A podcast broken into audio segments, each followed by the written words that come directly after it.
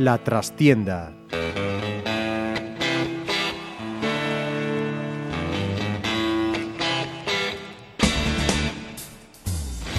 Saludos amigos, os habla Ramiro Espiño en nombre de todo el equipo. Comenzamos una nueva edición de La Trastienda en Pontevedra Viva Radio. El peor resultado en el peor momento. El Pontevedra volvió a las andadas en Segovia y regresó goleado con una dura derrota, dolorosa también, cuando podía haber dejado casi sentenciada la permanencia. Cierto es que los resultados de los rivales no han venido mal y ello permite a los granates seguir dependiendo de sí mismos, pero ahora sin red de seguridad, sin margen de error, convirtiendo el partido del próximo domingo en Pasarón frente a Unión Adarve en una verdadera final en la que solo sirve ganar. Permitidme que insista, aunque sé que a los que lleváis el corazón granate no les hace maldita la falta, que es momento de empujar, de estar con el equipo, de llenar las gradas y demostrar que nadie se rinde. Por segunda semana consecutiva convocamos a nuestro Senado periodístico con los queridos compañeros de la información deportiva en Diario de Pontevedra y Faro de Vigo. Xaime Nogueira, Alex Dávila, Xurxo Gómez, muy buenas, bienvenidos de nuevo. Buenas. Hola, buenas. Hola, vos. Bueno, vamos a empezar primero por, por lo, alegre, ¿no? Que este fin de semana pudo ser redondo, pudo ser completo y, nos falló el Pontevedra a última hora. Pero primero, Teucro salvado con la victoria de Cangas sobre Puerto Sagunto, aunque yo creo que se salva él mismo, ¿no? Eh, es verdad que cayó en, en, Cuenca, mereció, dicen todas las crónicas, cuando menos empatar, con un arbitraje bueno, que parece que del que Quique Domínguez, que no suele hablar de los árbitros, se quejó amargamente. Pero yo creo que es una buena noticia. Vamos a volver a tener derbi de las Rías Baixas si no pasa una catástrofe, non? Sí, eu creo que, que o diste, non, Ramiro? Que, que se salva o teu creo deseo. Eh, certo que ao final, pois sempre en algún caso concreto como este, pois requires de outro resultado para certificarlo matemáticamente. Personalizamos a temporada do equipo, eh, seguramente todos chegamos á conclusión de que é unha temporada como mínimo que merece un notable eh, a principio de temporada se, se fan as análises, os expertos en balonmán, entre nos, os que non me inclúo, falaban de que había tres equipos candidatos a, a loitar pola permanencia por riba de todos os demais, tres equipos para dúas plazas, e eran os dous equipos nosos, os dous das Rías Baixas e o Zamora.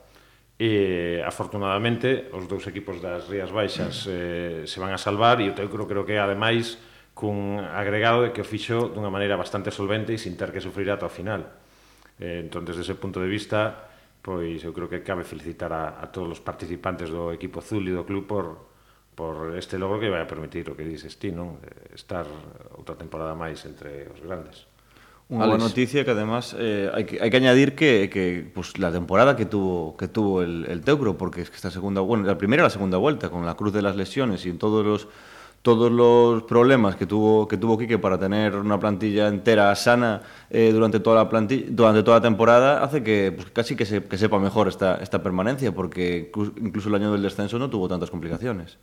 Sí, eh, al final eh, Teucro obviamente se salva por él mismo porque es que en ningún momento de la temporada dio la sensación eh, de tener el agua al cuello y de estar sufriendo. Eh, primero porque hizo una muy buena primera vuelta en casa, con grandes resultados, y segundo porque en la segunda mitad de campeonato bajó un poquito eh, en el pabellón municipal. Es verdad que tenía rivales mucho más complicados, a lo mejor salvo Zamora y este último contra Cangas, pero el resto de rivales eran muy complicados, pero dio el do de pecho pues fuera de casa, que era un poquito la asignatura pendiente del equipo las últimas temporadas en Asobal y, y en esta segunda vuelta pues logró sacar eh, buenos resultados, si no me recuerdo mal, en, en Guadalajara y en Granollers y eso al final pues le dio el puntito necesario para, para aunque los resultados en casa no fuesen los más satisfactorios, eh, poder salvarse para mí holgadamente y conseguir pues yo creo que un gran éxito porque nadie contaba con estar a estas alturas eh, ya sin nada que jugarse.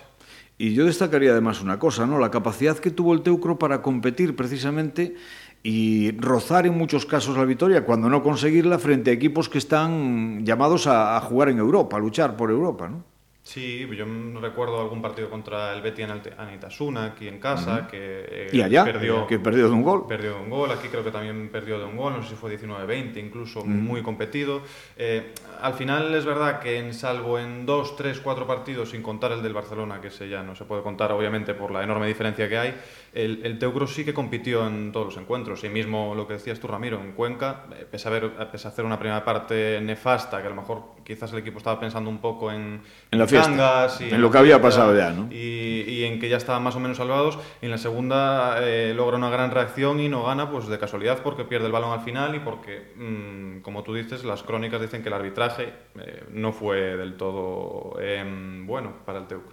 Por cierto, sí, sí, una competición que, que, ahora estamos evaluando la liga, pero eh, me hablaba de notable en la temporada, si no es sobresalientes, por un minuto en, en Guadalajara que, se, que hubiera dado el pase en Copa del Rey y mira la fiesta ahora que van a tener este fin de semana en, en Madrid con, con, esa, con esa Copa del Rey A4 que, que, que el Teucro pues, podría haber estado allí si hubiera competido ese minuto final que se le fue el partido contra Guadalajara. Sería un regalo añadido, sin duda. Xei, me ibas a decir algo. Sí, eh, que ademais ten un mérito agregado que si, non sei se si, si somos conscientes diso, que en realidade a base do equipo, a que sostivo o equipo, é da temporada pasada, máis a fichaxe que marca que dá un salto de calidade, que é Joan Balázquez, que ao final o Teucro apuntalou ao seu plantel non con demasiados xogadores, non todos saíron ben, excepto é certo que o cubano, o cubano niso sí que durante sobre todo a primeira fase da temporada foi realmente espectacular e deu moitos puntos ao equipo, pero foi a estructura que ascendeu desde División de Honor Plata con Borja Méndez, que é un xogador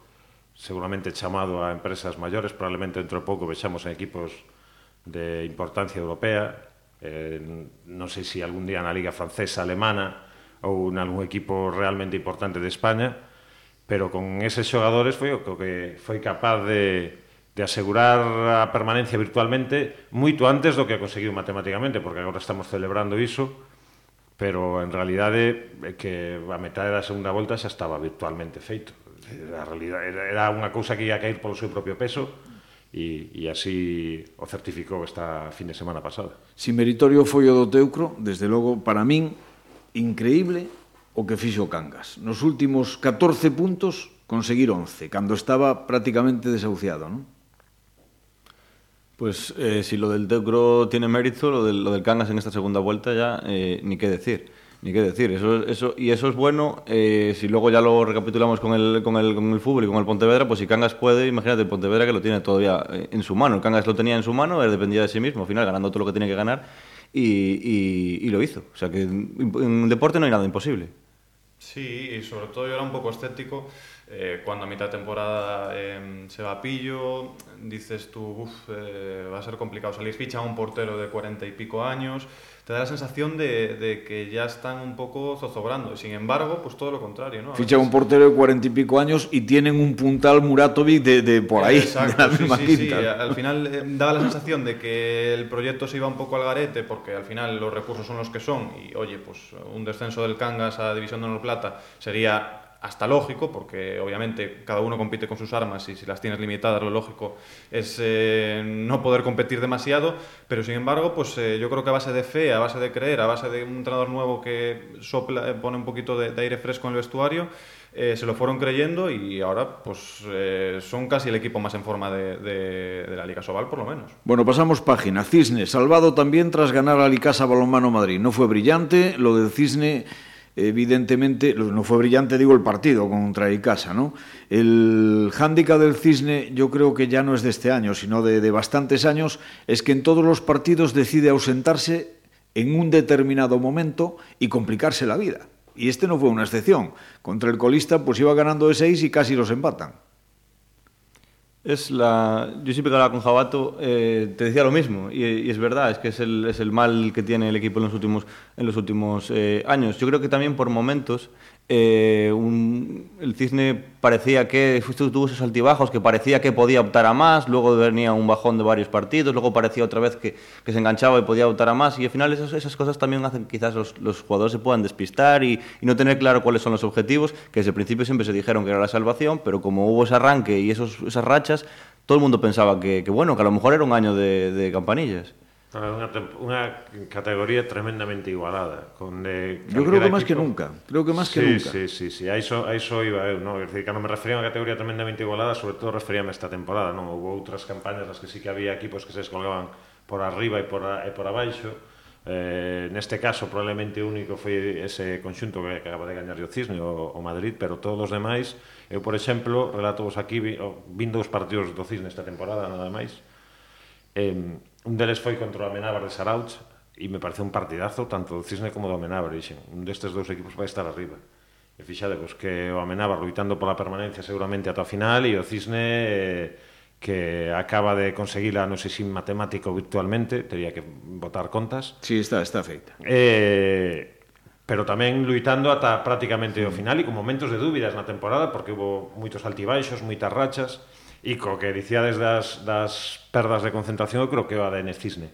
E contra iso hai equipos que teñen un, un, unha maneira de ser durante os anos, durante unha trayectoria que se pode extrapolar a casi calquera deporte e eu creo que o Cisne é ese, esa irregularidade nos encontros e esa, de alguma maneira, eh, apatía ou, ou un pouco de desorganización psicolóxica, por dicirlo de alguma maneira, que, que se percibe nos encontros e que lle leva a ser capaz de facer unhas rachas prodixosas para gañar partidos fora de casa como, de, non sei se a primeira ou segunda visita, que non sei se lembrades que ia ao descanso perdendo por unha uh -huh. vantaxe, por unha vantaxe importante e acabou remontando o partido gañando incluso con comodidade no treito final e ao revés, de ser capaz de levar vantaxes amplas e desaproveitalas e acabar sufrindo ou perdendo. Hombre, para el Cisne yo creo que en cualquier caso va a ser una temporada histórica, eh, pero ya no solo por el primer equipo, sino por la cantera que, y la, gente que le viene detrás con una, una progresión y una proyección absolutamente importante. ¿no? Y a lo mejor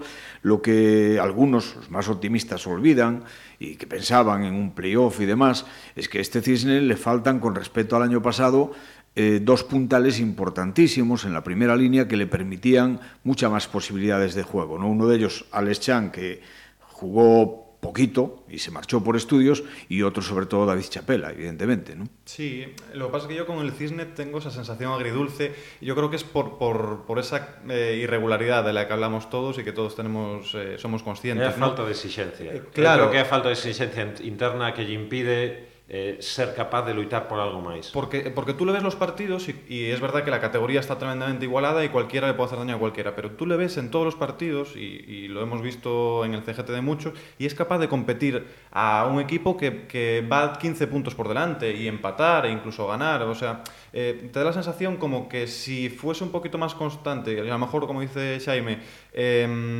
desde dentro se exigiese un poquito más, se podría luchar por cotomayores. Y ojo, no estoy diciendo que, sea el objetivo ese. Yo creo que el Cisne tiene un enorme mérito, va a competir por tercer año consecutivo en División de Honor Plata, tiene los recursos que tiene, obviamente, pero da la sensación de que con lo que tiene eh, se puede sacar incluso un poquito más. Y esa es la sensación agridulce que te queda, ¿no? Que, que a lo mejor por esa irregularidad, por esa poca constancia a lo largo de los partidos o de, o de las dinámicas, eh, no puede estar un poquito más arriba, que a lo mejor se podría soñar con eso y no, no conformarse con la permanencia, que insisto, a mí me parece un, un, muy buen logro. Desde la esquina de la nobleza se le exige, ¿eh? Sí, sí, sí. sí, sí, sí. No tiene nada que ver eso, Don, es evidente. Donde se suelen instalar las viejas glorias de Cisne. Bueno, eh, muy rápido para ir pasando páginas. Pollo Pescamar, séptimo, acariciando la clasificación para la Copa. Tiene seis puntos de ventaja, faltan 12 en disputa, o sea que yo creo que el Pollo puede también firmar, de hecho está firmando ya la mejor temporada en cuanto a puntuación de, de su historia. Ha ganado la segunda, por segunda vez consecutiva la, la, Copa Galicia al Burela y ahora puede meterse en la Copa de la Reina que, que hay que ir hasta Cádiz. Sí, si, no, si la federación no hubiese concedido precisamente la organización a Cádiz, que el equipo está colista y ya desahuciado, pues ya estaría hecho, ¿no? porque entrarían los ocho primeros y ya estaría hecho. Ahora, con esa decisión de la organización, entran los siete primeros más el Cádiz y, hombre, parece muy bien encauzado, pero yo soy prudente también porque el calendario del pollo es complicado, tiene dos rivales a seis puntos, eh, contra el Esplugués tiene el gol haberás perdido, entonces hay que ser un poquito prudente. Parece que sí que lo va a conseguir y que sería cerrar otro buen año, pero hay que ser prudente. Yo creo que yo últimamente lo de decir que, que que batió su récord de puntos, ya es una constante. Es decir, el año que viene esperemos, vamos a esperar que se superen los puntos de este año, porque ya es cada temporada se superan la temporada anterior.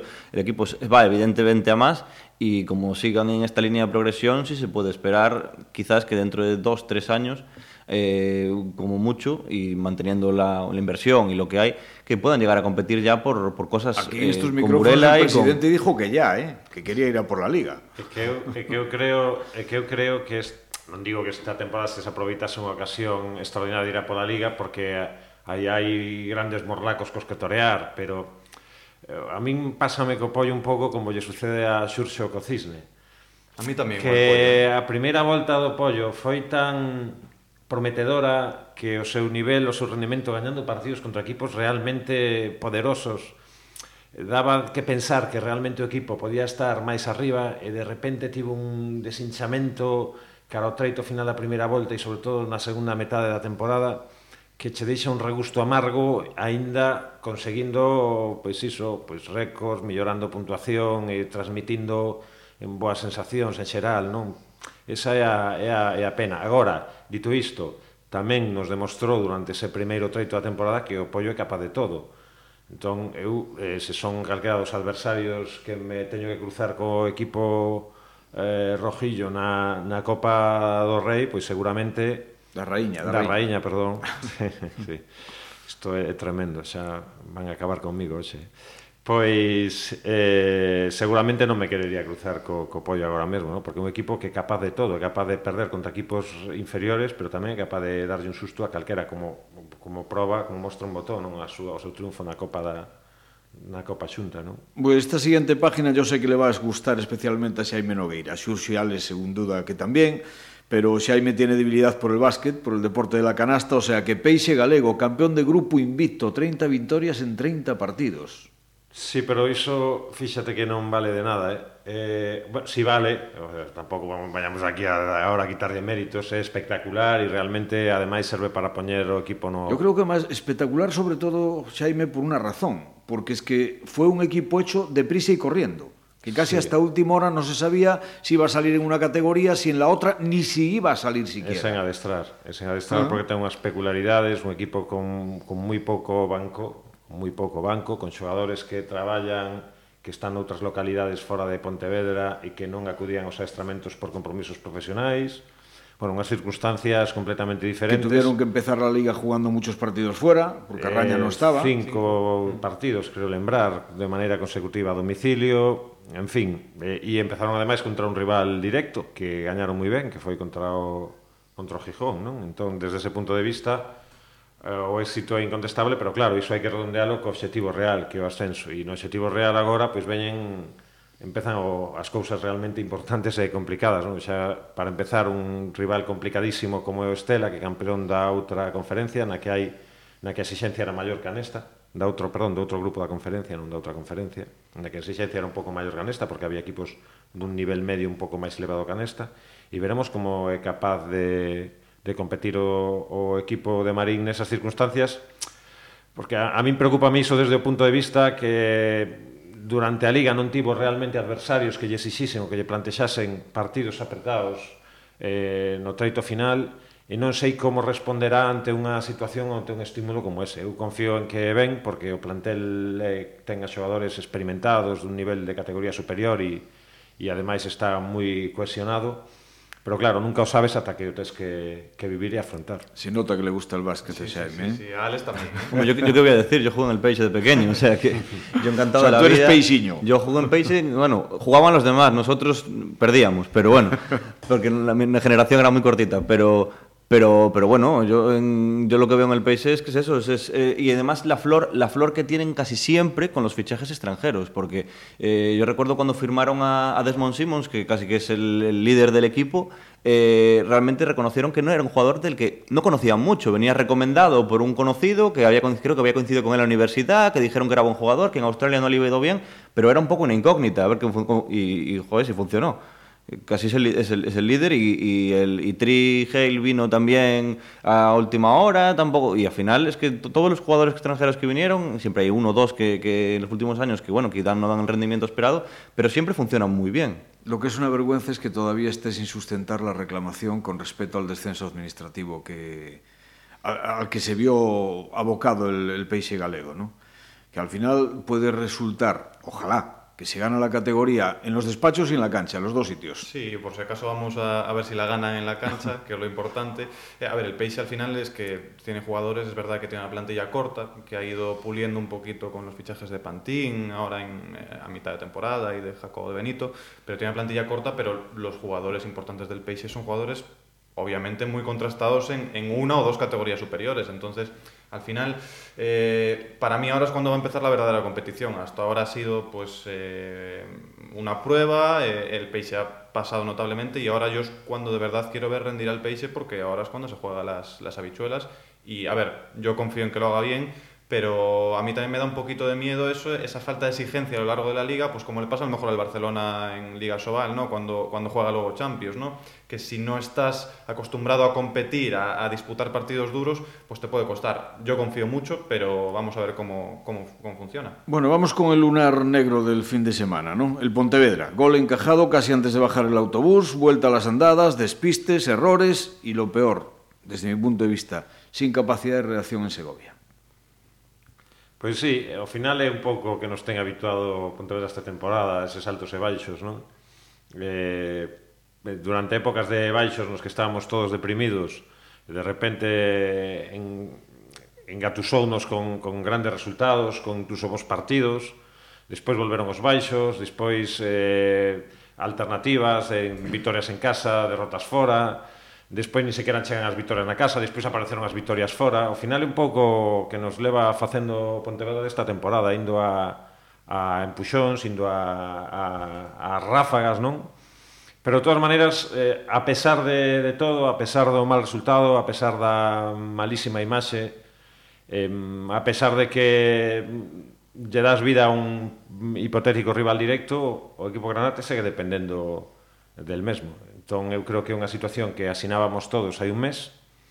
Agora mesmo eu calculo que con 4 puntos estaría perfectamente salvado e ata pode que gañando esta fin de semana se, se producen outros resultados que non son tan fáciles de producirse porque tenían que encaixar exactamente Ta todos. Tampouco son tan difíciles. Non son, eh? dif non son tan difíciles, pero eh, digamos que tería que producirse resultados en tres campos diferentes Sí, sí, favorables, pero, pero, non solo propio. Pero Xaime, fíjate que es tan sencillo como que no gane el Ferrol en el Alfredo Di Stéfano al Sí, que Castilla. non gane.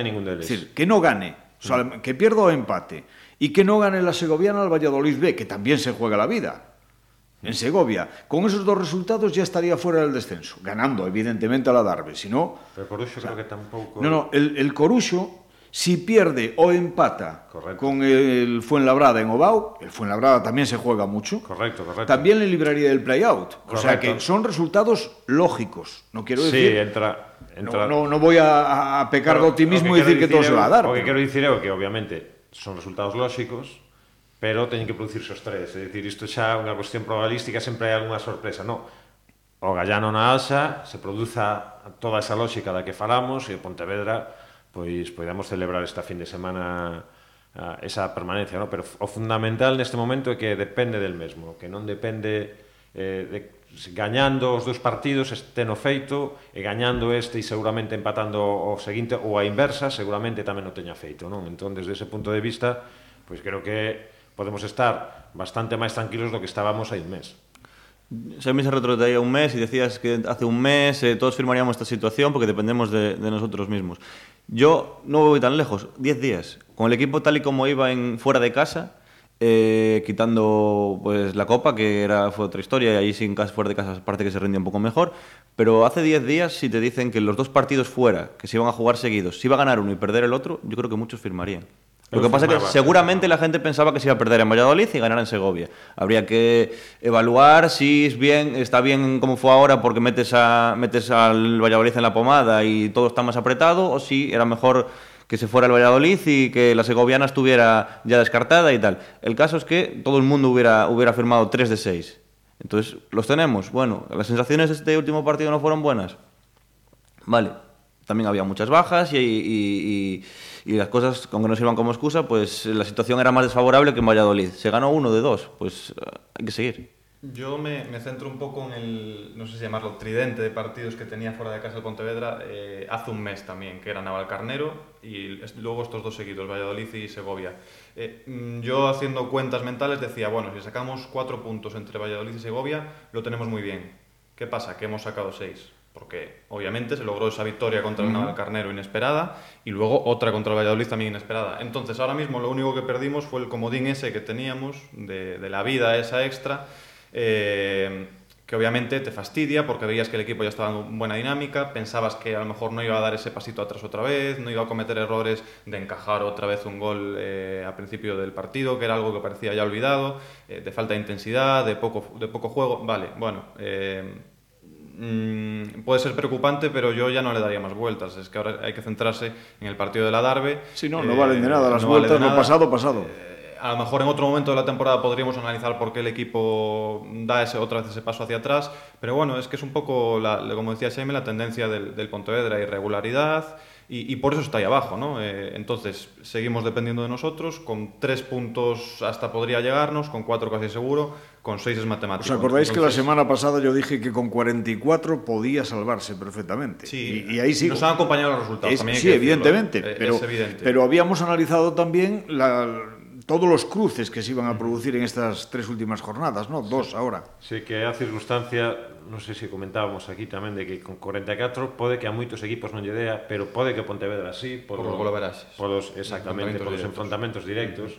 En iso Pontevedra se to, ten a vantaxe, ademais, de que os dous únicos equipos cos que o ten perdido eh, está moi por debaixo del, o sea, realmente sí, Toledo se, se pilla Toledo. Pontevedra o último, se, o, se Toledo pilla Pontevedra, o último problema de Pontevedra va a ser os golaveras co Toledo. Sí, sí en realidad va a bajar. En, en si realidad era pillar entre tres puntos, Exacto. que é increíble como un punto pode dif diferenciar tanto, uh -huh. pero é unha fronteira que o Pontevedra non pode asumir. O Pontevedra ten que ir máis alá dos 43 para salvarse, calquera equipo ten que ir máis alá de 43, o defeito do por descendido Toledo, non lle quero mal o Toledo nin a ningún outro equipo, pero con 43 eu creo que non dá. Entón, ao final, esa é a fronteira, os 44, e nesa fronteira pois pode producirse que equipo descenda, que outro xogue play-out e que outro se salve. Como sucedeu no pasado, creo lembrar, cos 46, que un equipo se salvou, outro xogue play-out e outro descendeu. Non? Entón, ao final, eh, eh, as contas, os cap o capricho do calendario e dos resultados directos o que produce este tipo de situacións. La, bueno, e que, que escenario nos imaginamos para el domingo en Pasarón? Obviamente, la afición va a responder, non tengo ninguna duda, habrá que tomar medidas extraordinarias porque es que nos va la vida, obviamente, pero el equipo tiene que salir también con otra actitud, con otra mentalidad, ¿no? Tiene que tomar nota de lo que ayer hizo la segoviana, que tiene necesitaba no solo ganar, sino un milagro a mayores y salieron con el cuchillo entre los dientes, como hay que salir, ¿no? En este en esta tesitura.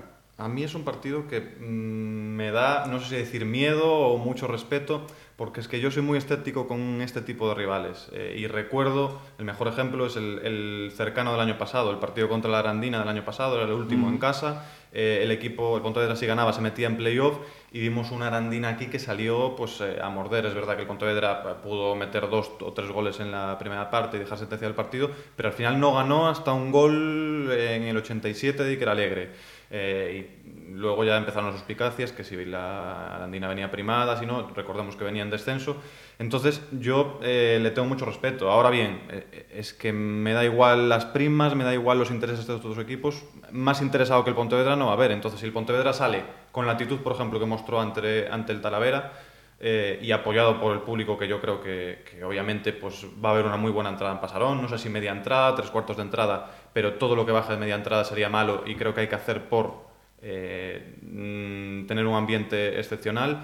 Eh, va, a conseguir entre la actitud del Pontevedra que tiene que ser esa y el, público, pues eh, hombre, todos pensamos que debería ganar el Pontevedra, pero yo soy prudente.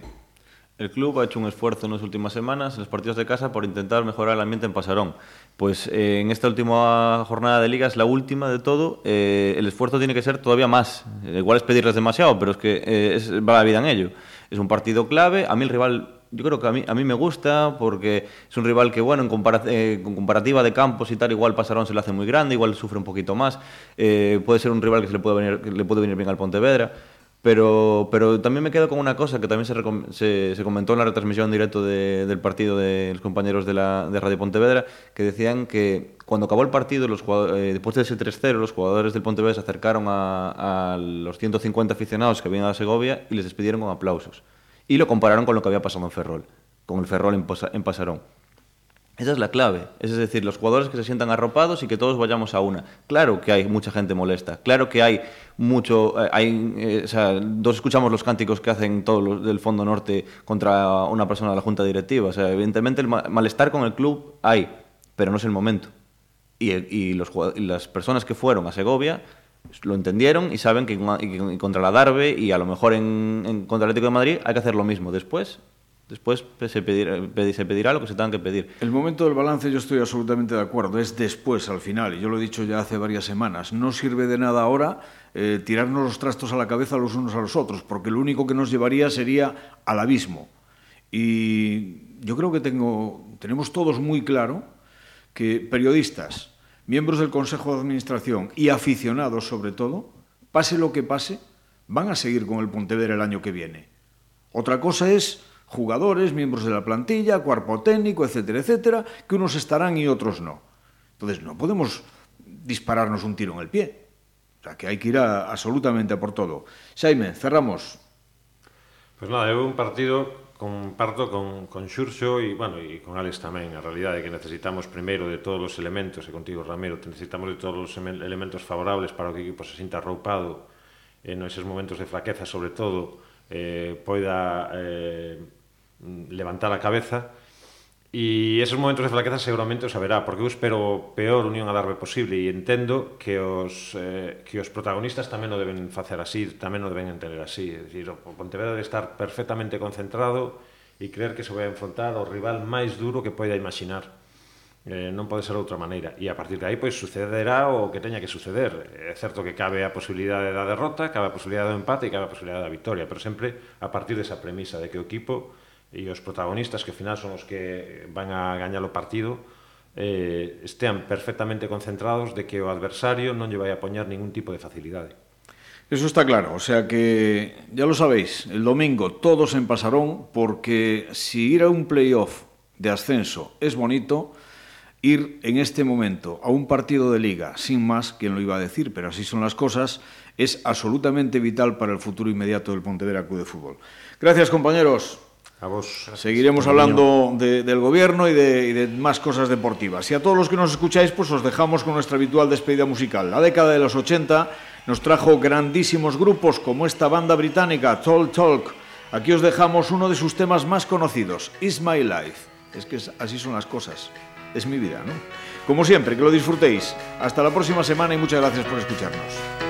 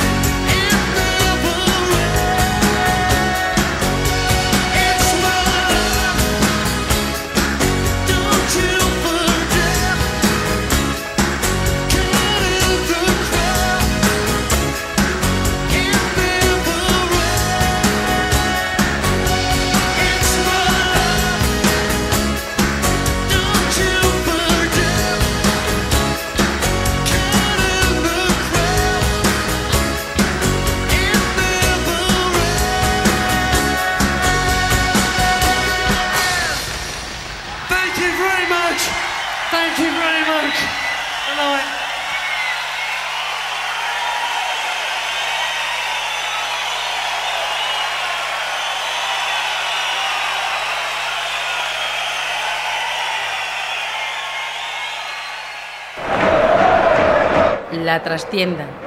Pontevedra Viva Radio.